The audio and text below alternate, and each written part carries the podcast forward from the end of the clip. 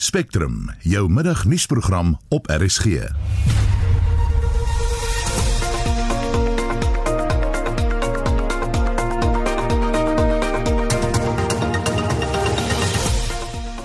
In die program hoofregter Mogoeng Mogoeng is weer in die nuus oor sy Israel uitlatings, maar die vraag is of hy gaan verskoning vra na hy opdrag gegee is om dit te doen. Trillion Capital het glo gespog dat hulle die regering se kontantkrane wyd kan oopdraai. His words to me exactly were you need people to open the taps and our shareholder can open the taps.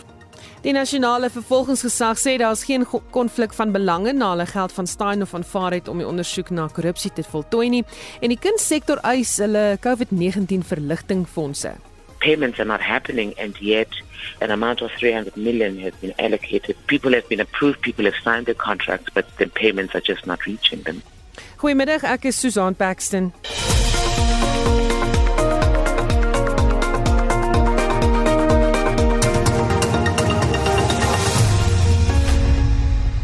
Dis nou 8 minute oor 1 jy luister na Spectrum en vandag presies 'n jaar gelede is die eerste geval van COVID-19 in die land aangemeld.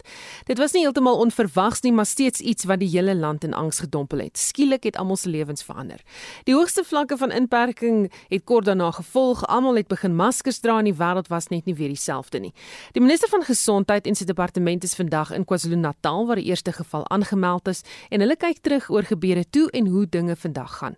Hier is hoe die minister van Gesondheids Willem Kiese verlede jaar op die dag die eerste COVID-19 geval in die land aangekondig het. Instance of a, a patient uh, who has tested positive for the COVID-19 virus for the first time in the country and this patient was identified in the province of KwaZulu-Natal. An individual who had come from uh, Italy and uh, came through our borders when he had no symptoms and there was no problem whatsoever and the symptoms developed about uh, three days after his return. And this individual went to talk to the general practitioner who responsibly took the necessary test and then asked the patient to be on uh, voluntary quarantine pending the outcome of the results.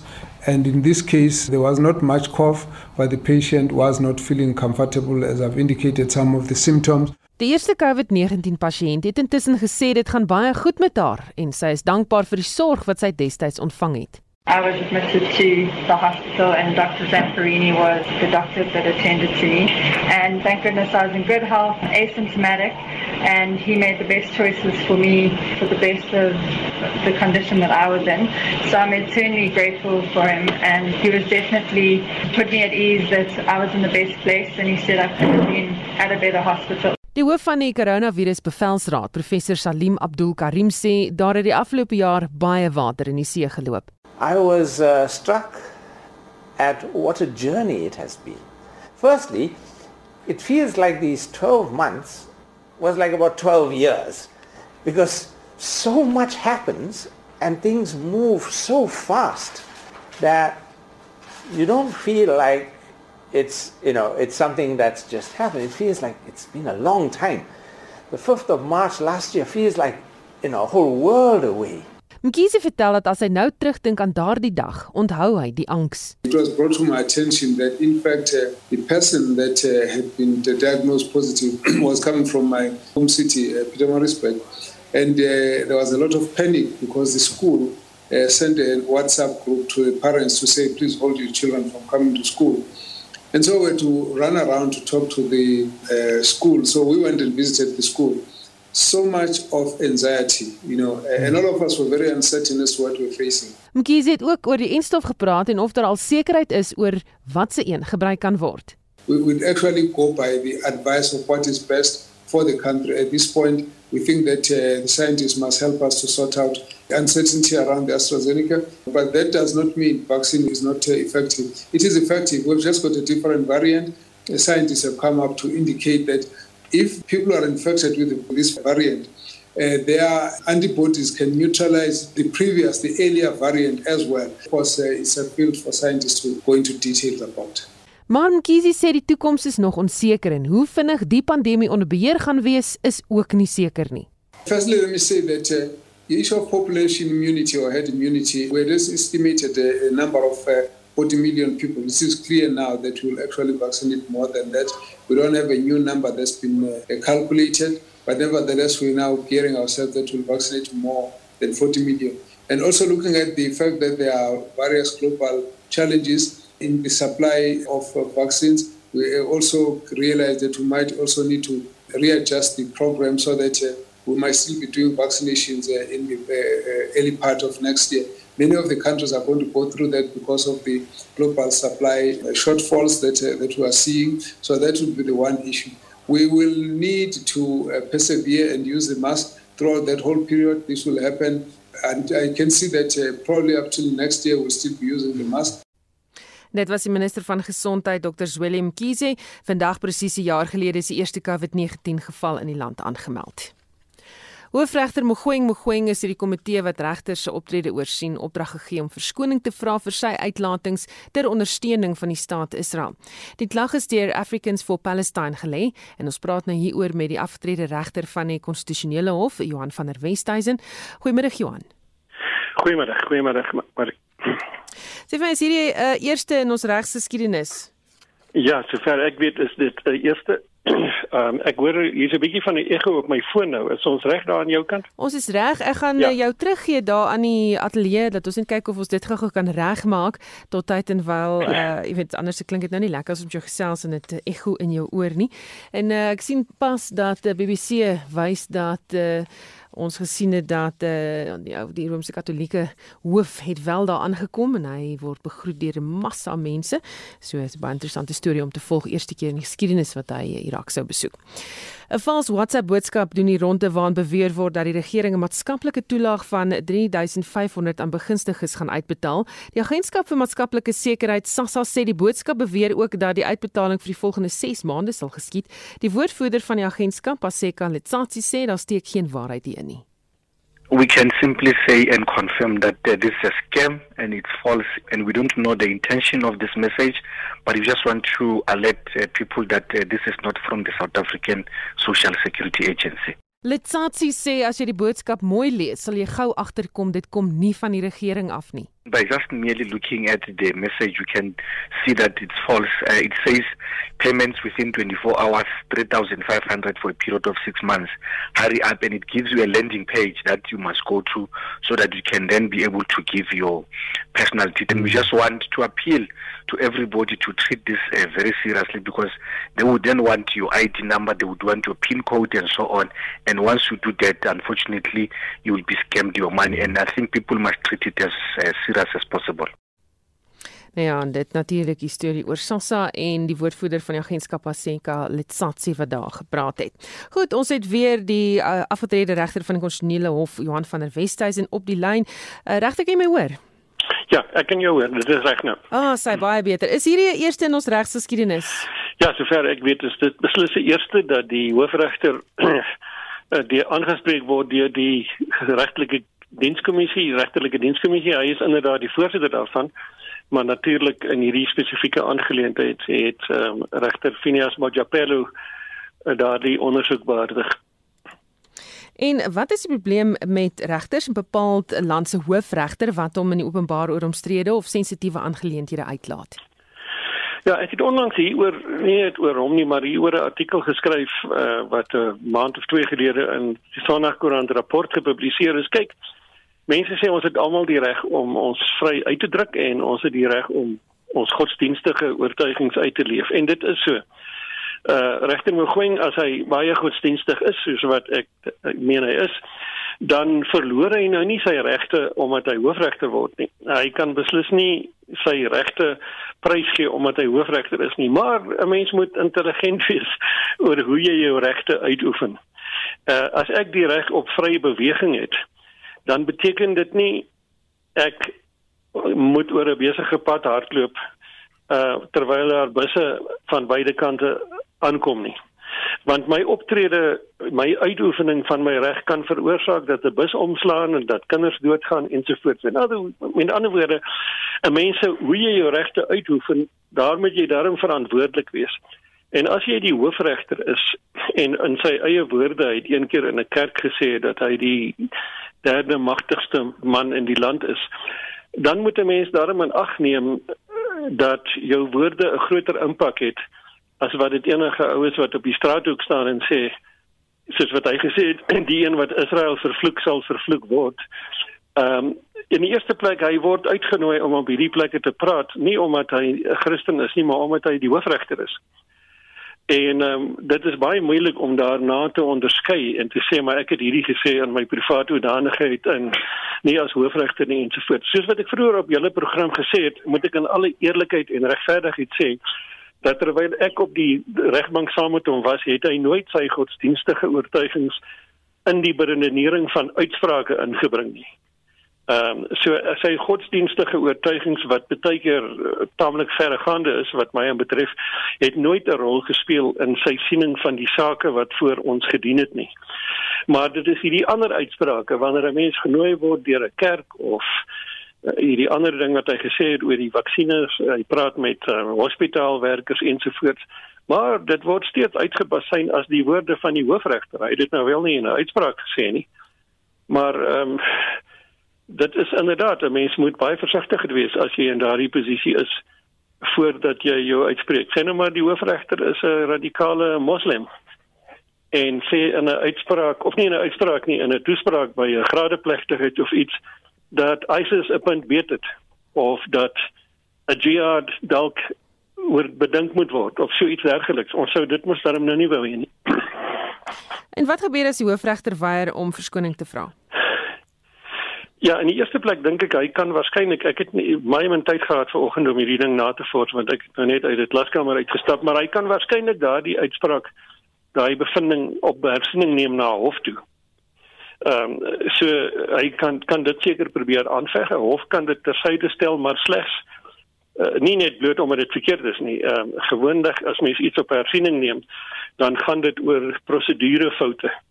Ehm um, maar as hy dit sou kon aandui dat daar ehm um, on uh, uh, bias ehm um, bevooroordeeldheid ensovoorts teen hom teenwoordig was, dit sal seker moeilik wees regter Mojapelo is 'n uh, hoogs aangeskrewe regsgeleerde wat ek self goed ken. Ehm um, so hy sê dit seker eerstens na hof toe kon neem. Indien hy daar dan nie suksesvol is nie, dan weet ek nie wat gaan gebeur as hy weier nie. Die konstitusie maak voor uh, maak voorsiening daarvoor dat 'n regter uit sy ampt verwyder kan word deur 'n parlementêre proses. Dit is eintlik 'n impeachment proses. En die regterlike dienskommissie moet by die parlement aanbeveel.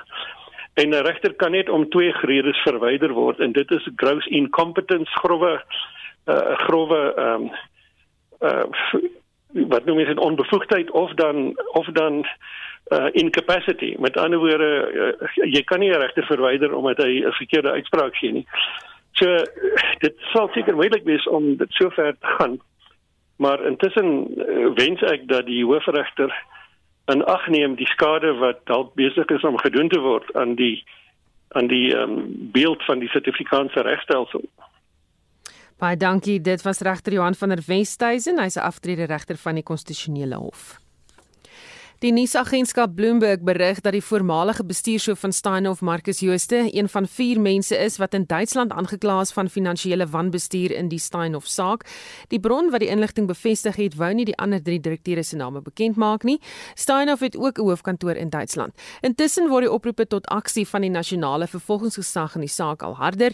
Die woordvoerder van en die van die NVG, Sipon Gwema sê hulle maak goeie vordering. We need to be able to meet the standards of proving beyond any reasonable doubt that if there are any people who are guilty, they can be found guilty by, by a court of law. And therefore, that takes a long time. And uh, it means that a lot has to be done from an investigation point of view to meet all those requirements. And uh, we are on course, we are doing that. And I think at the appropriate time, we'll be able to make announcements with regards to milestones that we would have uh, reached at a particular point. Uh, so at the appropriate time, when we have to move on people, if we have to move, we will be able to know who the suspects are and we'll be able to bring them to court. Sy woordvoerder van die NVG Sipongwema. Die nasionale vervolgingsgesag het intussen gesê daar is geen konflik van belange tussen hulle en Steinhoff nadat die maatskappy die NVG 30 miljoen rand betaal het om die ondersoek na korrupsie te voltooi nie. Die Financial Mail berig dat Steinhoff die transaksie aangegaan het omdat die staat glo nie die fondse het om die saak behoorlik te ondersoek nie. Die redakteur van die Financial Mail, Rob Rose, sê die reëling klink verdag. Yeah, that's isn't it? Basically, Steinhoff said that the NPO and the Hawks came to him and said, well, we just don't have the resources to do this. So Steinhoff, being, you know, general soul, decided to set aside 30 million rand for this. You know, like you said, there are numerous problems with this. There's conflicts of interest all over the place. For example, if criminal accountability is dependent upon who can give money to investigate, it means small companies who have tiny frauds are not going to have any justice. And the large companies who can finance investigations will be the ones where there is some kind of accountability. There's just so many so many problems and potholes all over it. Rose sê dit is skokkend dat die NVG die geld so openlik benodig. Well, they say they need accountability for what happened. They say they want to see the people who committed the massive fraud, which was, you know, it was 106 billion rand in terms of profit. It's, it's not small. But they want accountability. They want to see those people behind bars. And if they're paying for PwC's investigators to be part of it, helps fast track that, well, then they say that that's a good outcome for them. But the fact that the Hawks need 30 million rand to investigate this just seems ludicrous.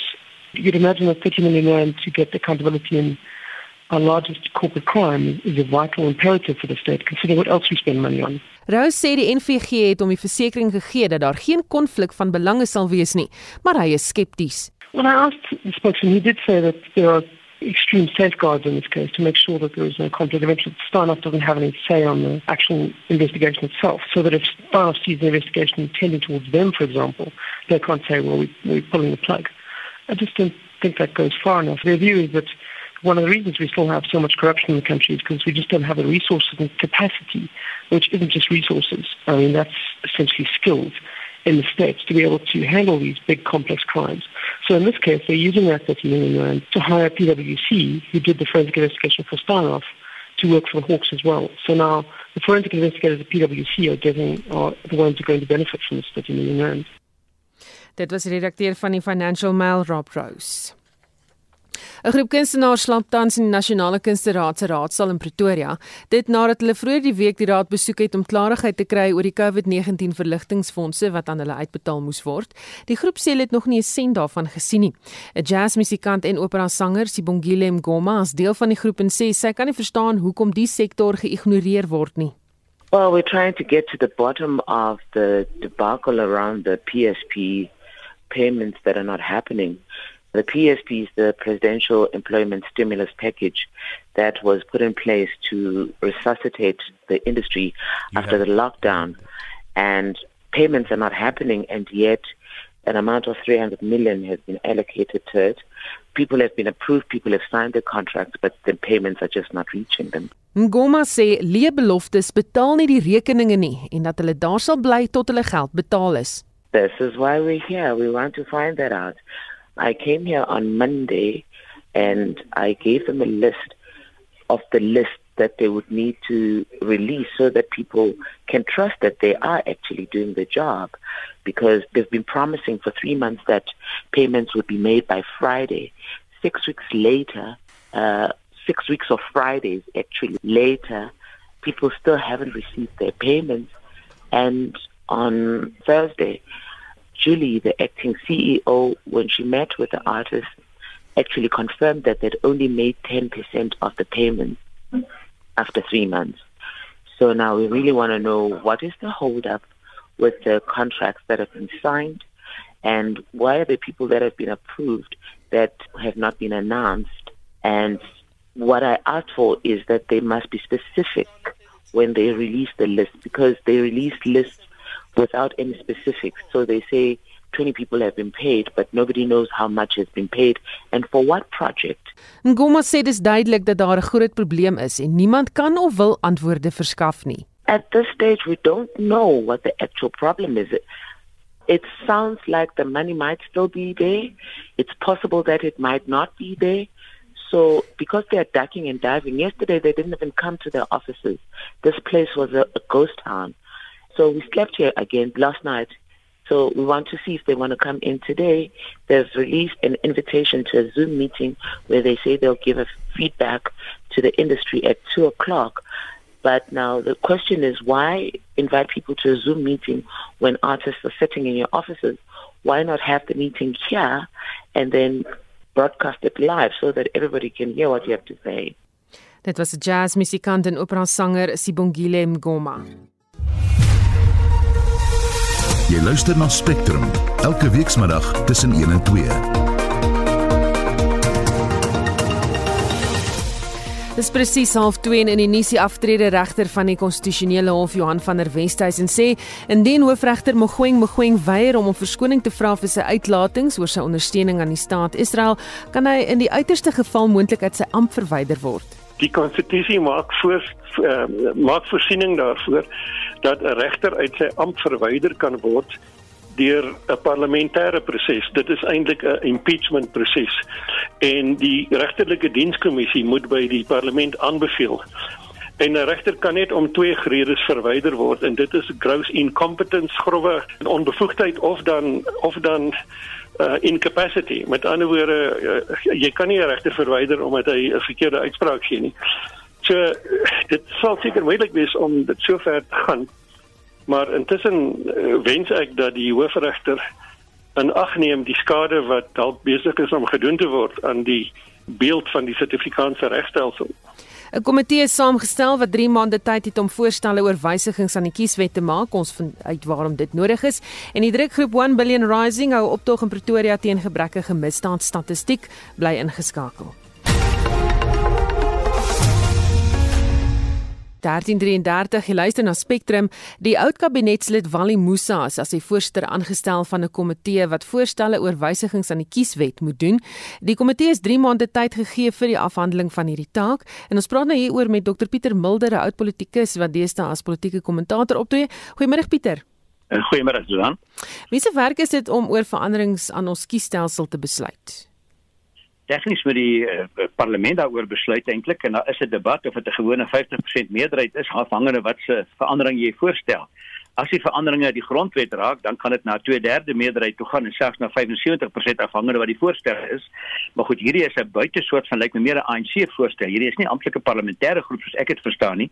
Dit klink meer van die ANC se kant af kom uh, met Rolf Meyer dan afhanklik onthou hy het sy eie ondersoek nou gedoen ek weet in opdrag van die ANC waar hy sekere aanbevelings gemaak het rondom kiesafdelings 300 kiesafdelings 100 anders.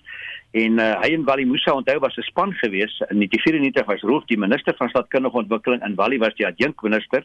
En hulle is al twee lede van die ANC So ek dink nie hulle kan enige aanbeveling maak wat nie tot die ANC se voordeel is nie wat my bietjie bekommer.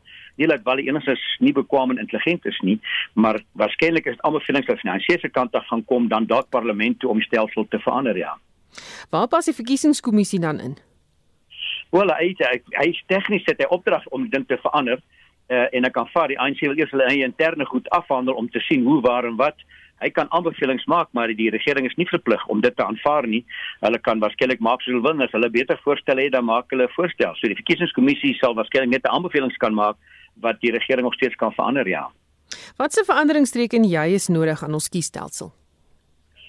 Die tegniese die grondwet hof beveel nadat daar sukses was dat 'n onafhanklike kandidaat wat tans op stadsraadsvlak kan staan moet ook op 'n uh, provinsiale vlak, dus 'n tweede vlak regering en 'n uh, eerste vlak nasionaal kan staan ek dink dit is bietjie jag van iets wat nie gaan realiseer in terme van dat so iemand so maklik verkies kan word nie, maar maak nou nie saak nie. Dit is die aanbeveling. Daar was nie aanbevelings soos ek dit verstaan het dat hy ook na die kiesafdelingsstelsel gekyk moet word nie. En dit maak my bietjie senuweeagtig. Hoekom nou? Na 25 jaar wil ons skielik na kiesafdelings kyk en is die ANC gefokus tussen Rolf Meyer en Wally om dit te doen. Kan dit dalk verband hou met die feit dat die ANC waarskynlik by die volgende verkiesing onder 50% kan ingaan? En dat jy met 'n kiesafdelingsstelsel kan jy steeds 'n meerderheid setels wen al het jy nie die meerderheid stemme nie. En dis my bekommernis dat uh, die, die ek vraagtekens oor die bedoeling daar agter. Hoekom wil hulle dit nou doen? En ek kan 'n klomp voorbeelde vir jou noem wat jou dilemma is as jy van proporsioneel skuif na kiesafdelings. Kom ek gee vir jou 'n Britse voorbeeld. In Brittanje met die 2017 verkiesing het die UKIP party uh, 600 000 stemme gekry. Die Skotse Nasionale Party het 900 000 gekry. Nou in 'n proporsionele kiesafdeling sou UKIP 12 setels en die Skotte 20 gewen het. Maar omdat die Britte 'n kiesafdelingsstelsel het, het UKIP nie enkele setel gewen nie en die Skotte het 35 gekry omdat hulle gekonsentreerd is. En dis jou dilemma, dat kiesafdelings leen om tot misbruik. Wat met die progs in die ou daai, die progressiewe party het landwyd 2-300 000 stemme gekry, maar kon net in Houghton het hulle soos 'n setel kon wen omdat jy die afbaking so maak op ander plekke is mense nie daar nie die van self slabber kommissie het gesê as ons nou oorskakel na kiesafdelingsstelsel 'n eenvoudige een en nou gaan die ANC tot 70% is nie 80% weer kry. En ons sien dit in praktyk as jy nou kyk na die stadsrade in Gauteng is almal behalwe een is ANC, almal in Noordwes, almal in Mpumalanga, almal in die Vrystaat. Dis 'n tipe van 'n kiesafdelingsstelsel per dorp en daarom hoop ek dis nie verskillende agendas nie, maar ek bekommer tog oor hoekom nou en hoekom jy's na kiesafdelings. Hoe ver of naby is ons aan die uitvoering van die konstitusionele hof se onlangse uitspraak dat onafhanklike kandidaate ook aan provinsiale en nasionale verkiesings kan deelneem? Wel dit gaan waarskynlik deel wees van die aanbevelings, maar dit was net die opdrag dat hulle moet alleen dan nog kan deelneem. Ek dink dit is te moeilik om net 'n voorsiening te maak daarvoor nie. Kom ek sê vir jou 'n voorbeeld. By die vorige verkiesing 2019 het ons 48 partye gehad wat deelneem. Baie van hulle was eintlik maar 'n individu wat deelgeneem het. Hy moet sy party registreer want die wet het dit gesê. Jy kan 'n verandering aanbring en sê onafhanklike kandidaat moet staan. Jou dilemma is jy gaan 'n stembrief daar kry wat dan 500 name op het as elke Jan Rapp en sy maat wil staan en ek sou daar 'n ding inbou. Hy moet 'n sekere hoeveelheid handtekeninge hê, redelik met 'n post te betaal om seker te maak hy's ernstige kandidaat. Uh, ek dink dit is so moeilik nie. Die kiesafdeling ding kom nou by en die twee word gekombineer om aan daai uitspraak van die grondwet hof te voldoen. Ons het 'n baie min geskiedenis waar onafhanklikes regtig suksesvol in verkiesings was. Dit is ongelukkig so dat jy nie slaag sonder dat jy 'n party agterhet nie. Nou van daai 48 wat die vorige verkiesing het eintlik maar 6 partye regtig verteenwoordiging in die parlement gekry. Daar was 14 wat dit gemaak het, maar die ander 8 het een setel gehad, twee setels gehad. Uh wat eintlik maar die dilemma wys van van 'n kiesstelsel in 'n land soos Suid-Afrika. Baie dankie, dit was die politieke ontleder Dr Pieter Mulder. Die drukgroep 1 Billion Rising het vanoggend 'n optog gehou na die nasionale polisiekommissaris se kantoor in Pretoria. Die groep is ongelukkig oor wat hy meen is gebrekkige misdaadstatistiek wat verkrachtings betref. Vir meer hieroor praat ons nou met die vroueregte aktivis Lucinda Evans wat spesiaal uit die Kaap uitgereis het om aan die optog deel te neem. Goeiemôre Lucinda. Goeiemiddag, hoe gaan dit? Met my gaan dit goed, maar sê vir my hoe lyk hierdie optog? Hoeveel mense is daar? Wel ons ons hou by die perke van die 1 billion I mean COVID regulasies. So ons was 20 vroue vanoggend by die nasionale kommissaris se kantoor van die polisie dienste waar ons ehm um, uit een van sy generale gestuur om om die memorandum by ons te kom kry. Maar ons het ook die memorandum gegee vir die DG van die civilian secretariat Mr. Rapia want ons is ongelukkig oor die dienslewering in die victim support rooms across die land. So as daar 'n persoon byvoorbeeld gehijack word, nou gaan jy in die polisiestasie in en jy gaan 'n saak maak, maar jy is so getraumatiseer. In die polisiestasie moet daar counselors wees wat kan containment met jou doen, wat met jou kan praat en wat vir jou advies kan gee. En omdat hierdie victim support room 'n national instruction is, het ons gesien vanaf ons praat al van 2019 hieroor dat party van hierdie kamers is non-functional.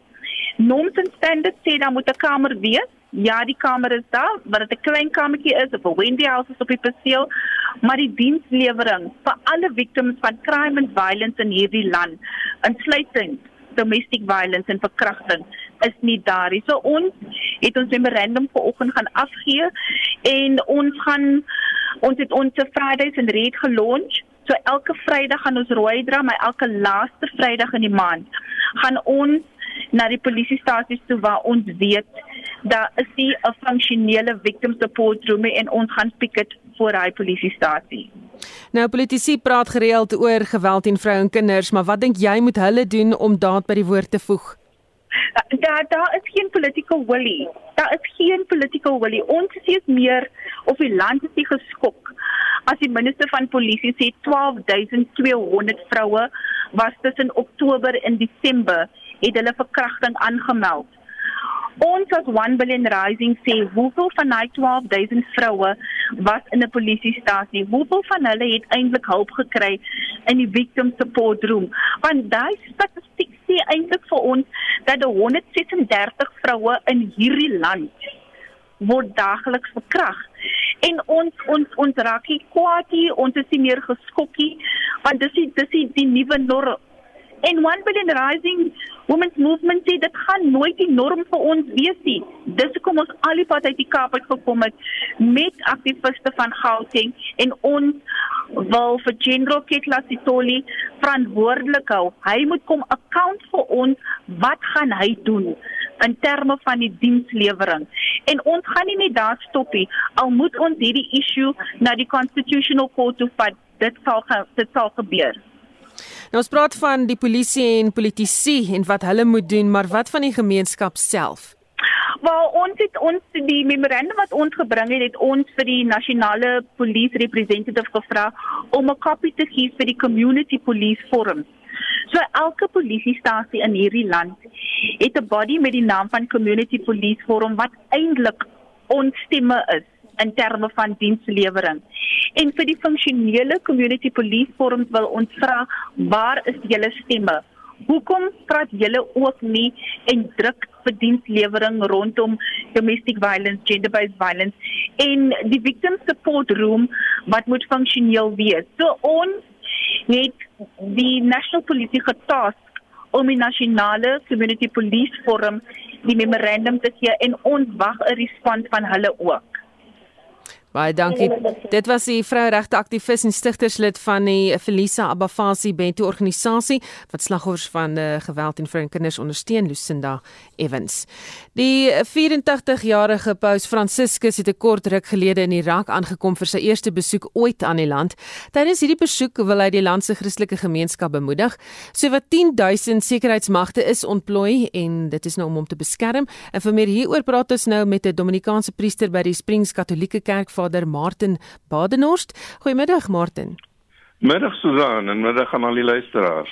Paus Johannes Paulus II het in 1999 sy planne vir 'n besoek aan Irak gekanselleer.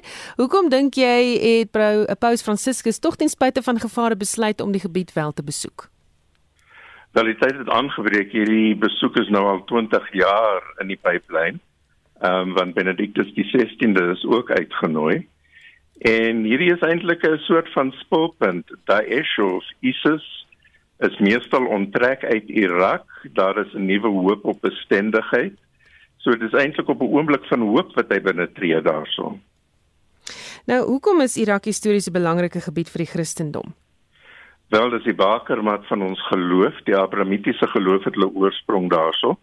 Want Abraham is in Uruk gebore, dis naby die moderne Nasiriyah in Irak.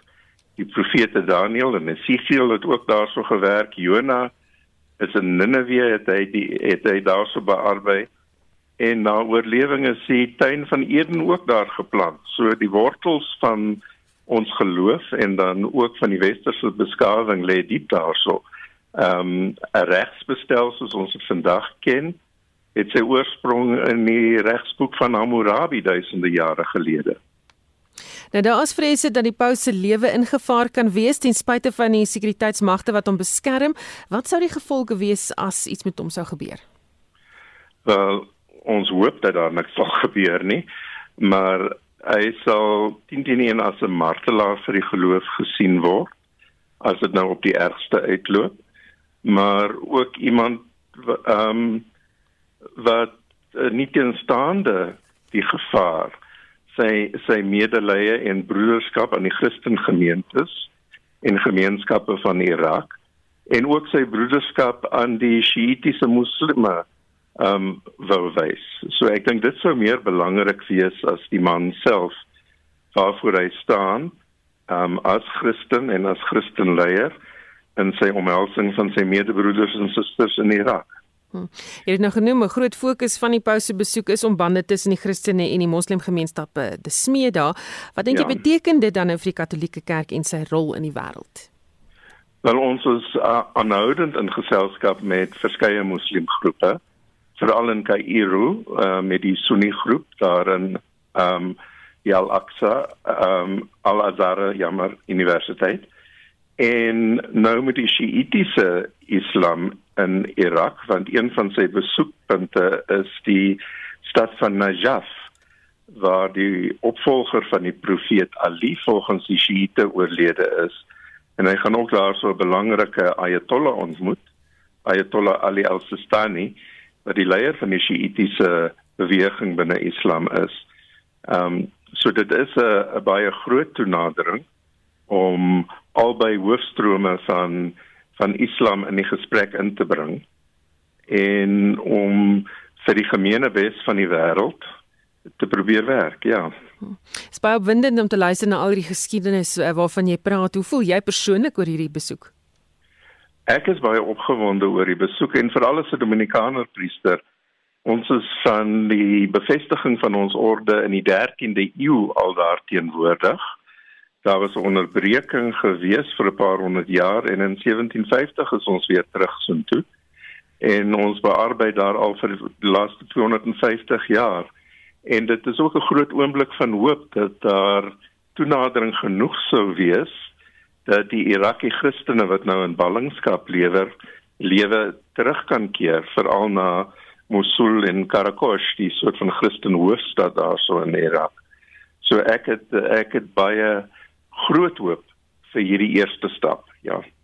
Baie dankie. Dit was Vader Martin Badenhorst van die Springs Katolieke Kerk.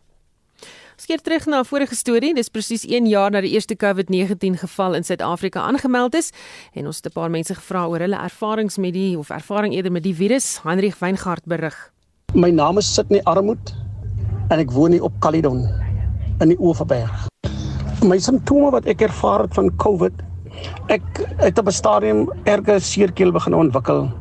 Uh soveel sodat my totale spraak verloor het amper. Ek kon nie praat nie en dan het ek geweldig begin hoes, benoudheid en my liggaam het begin seer raak.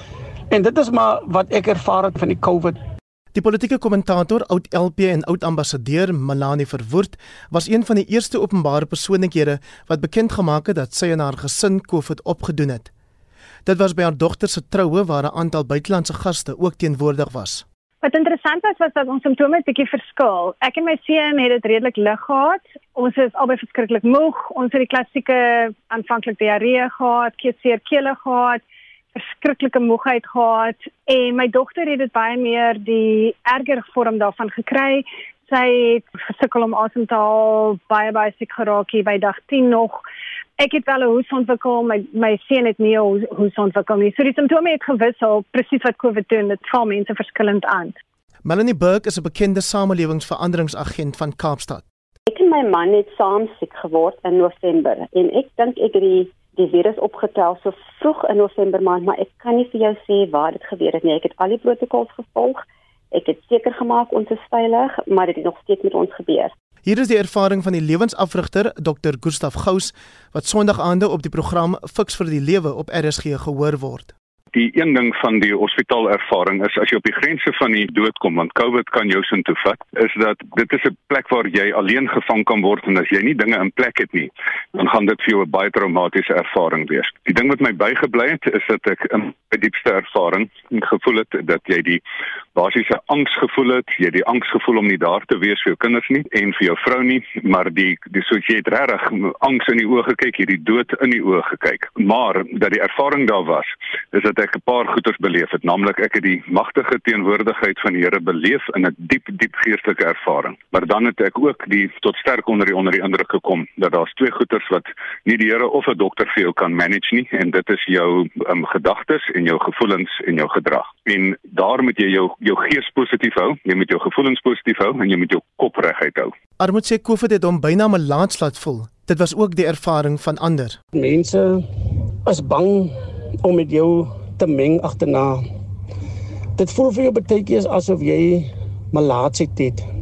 En ons weet mense wat malaats gehad in die verlede in die Bybelse tyd was was uitgeworpene en jy voel baie keer voel jy soos uitgeworpene nadat jy in isolasie het gekom het. Wat vir my sal bybly die een ding van COVID-19 dis 'n alleenpad. En nou moet jy weet, hoe voel jy? Ek was vir almal met wie ek in verbinding was in Johannesburg moes ek bel. Jy voel soos iemand wat melaat het en wat 'n doodstyding na mense te bring. Gelukkig vir my het geen een van daai mense met wie ek kontak gehad het in Johannesburg positief getoets nie. Ek is baie dankbaar daarvoor. Uiteindelik laat COVID jou met meer waardering vir jou eie lewe. Ek sê baie keer vir mense, ek wil nie in 'n hospitaal beland met COVID-19 nie.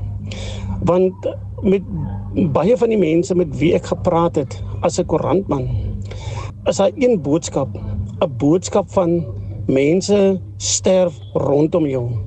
En jy weet dit moet verskriklik wees vir iemand wat self veg teen die dood. Maar hy sien elke oggend, elke middag, elke aand sien hy hoekom noodpersoneel in mense word in 'n bodybag gesit en mense is dood.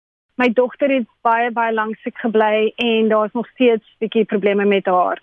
Van ons ander familielede wat ook siek geraak het later, het ook baie baie lank gevat, maande gevat voordat hulle heeltemal gesond is. So dis 'n, jy weet, soos mens maar altyd sê, hierdie is 'n baie baie gevaarlike virus. Ek het nou nog simptome van die COVID. Ek ervaar soms 'n geweldige irritasie in my keel of wanneer ek miskien gery het dan sal ek voel maar jou uh agter my blad is 'n irritasie. So ja, die feit dat jy uit isolasie het gekom het, dan is jy nog nie gesond nie. Dan begin jou herstelproses. 'n Proses van daai vrees wat jy gehad het. Ek kon onthou, ek dink dit was die sewende dag. Toe kon ek nie slaap nie en dis amper soos 'n stuk vlees wat jou begin beetpak het. En my vrou het vir my gereël, my vrou het 'n COVID gehad, ons was geïsoleer in twee verskillende kamers. En toe reël hulle vir my 'n kalmeerpilletjie en ek glo met my hele hart in jou COVID kom maar 'n dag of twee wat 'n baie kritiese dag of twee is. En as jy daar deur kan kom, dan uh, gaan jy dit survive. As jy 'n COVID survivor is, is dit net en alleenlik deur die genade van God. En my maat het altyd gesê, jy staan met jou een voet in die graf en met die ander voet op 'n piesangskil. En dit is my ervaring van COVID. Dit kan enige kant toe gaan. Jy kan alles in die wêreld hê wat jy dink jy nodig het, maar as jy nie jou gesondheid het nie, dan beteken dit eintlik maar vir jou niks nie. Dit was die samelewingsveranderingsagent Melanie Burke. En ek is Hendrik Weingart vir SAK nuus. Die voormalige bestuurshoof van Trillion Management Consulting, Bianca Goodson sê die Gupta Vennoot en Trillion Capital aandeelhouer Salim Essa het die nodige kontakte in die regering gehad om die kontantkrane oop te draai. Goodson het aan die Staatskapingskommissie gesê dat 'n Trillion Vennoot Life Angel die antwoord gegee het toe sy gevra het hoe Trillion as nuwe maatskappy 'n reuse Eskom kontrak in 2016 losgeslaan het. Sy het ook verstaan dat Trillion net operasioneel sal wees vir die duur van die voormalige president Jacob Zuma se amptetermyn. Goodson sê Trillion is aangewys as 'n verskaffer ontwikkelingsvernoot om saam met McKinsey Consulting aan 'n belangrike ingenieursprojek vir Eskom te werk. Sy sê 'n paar ander maatskappye waarin Salim Essa belange het, sou voordeel trek uit die Eskom projek as filiale van Trillion. And Mr Angel specifically said to me that you need people with relationships.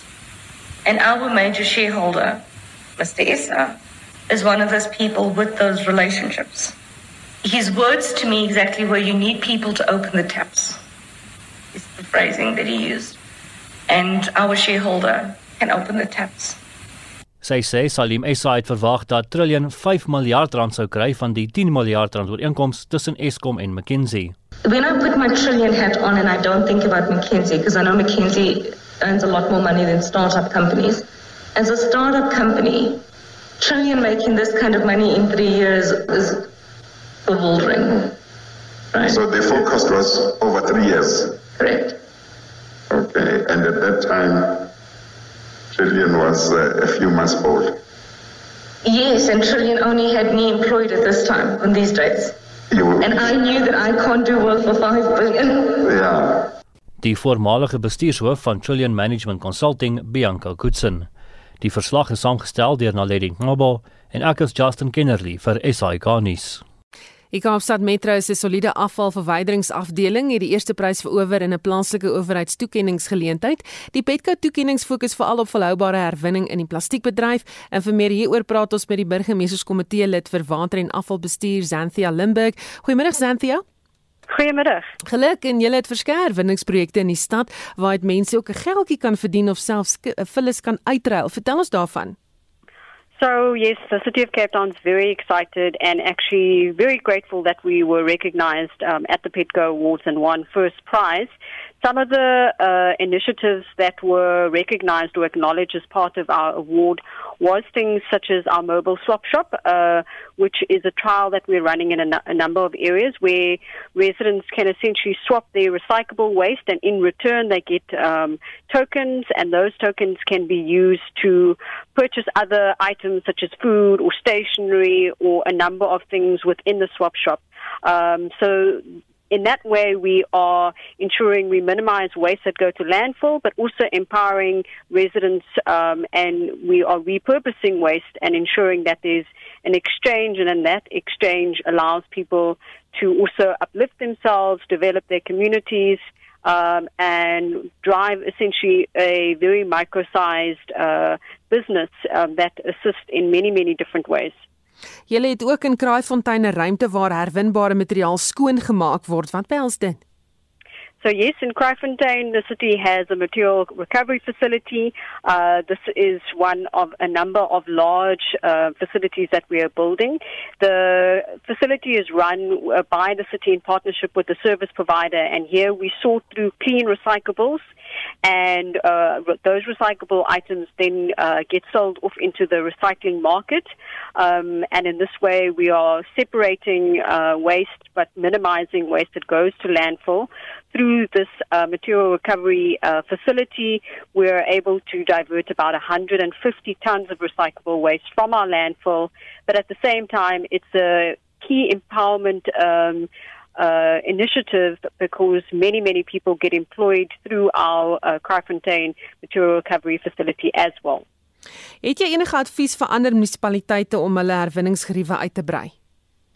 Well, I think the with growing municipalities comes increased uh, waste, and the best way to manage uh, waste going to landfill and avoid the need to keep uh, increasing landfill air capacity space is to divert waste, and that starts with um, looking at ways to repurpose that waste. So in the city, we have used drop-off sites where residents can drop off waste uh, for free.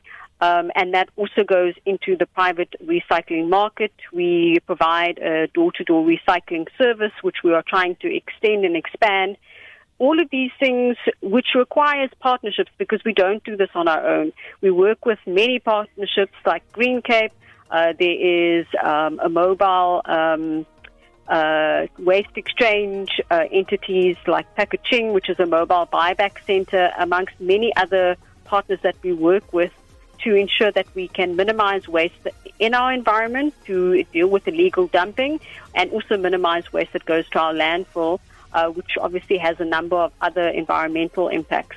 So, uh, municipalities to focus on waste minimization, but to understand that they need to bring on other partners as part of that, and that includes communities as well.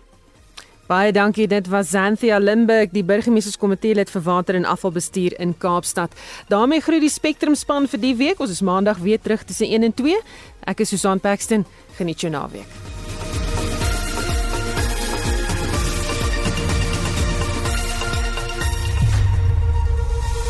SAK nuus onafhanklik, onpartydig.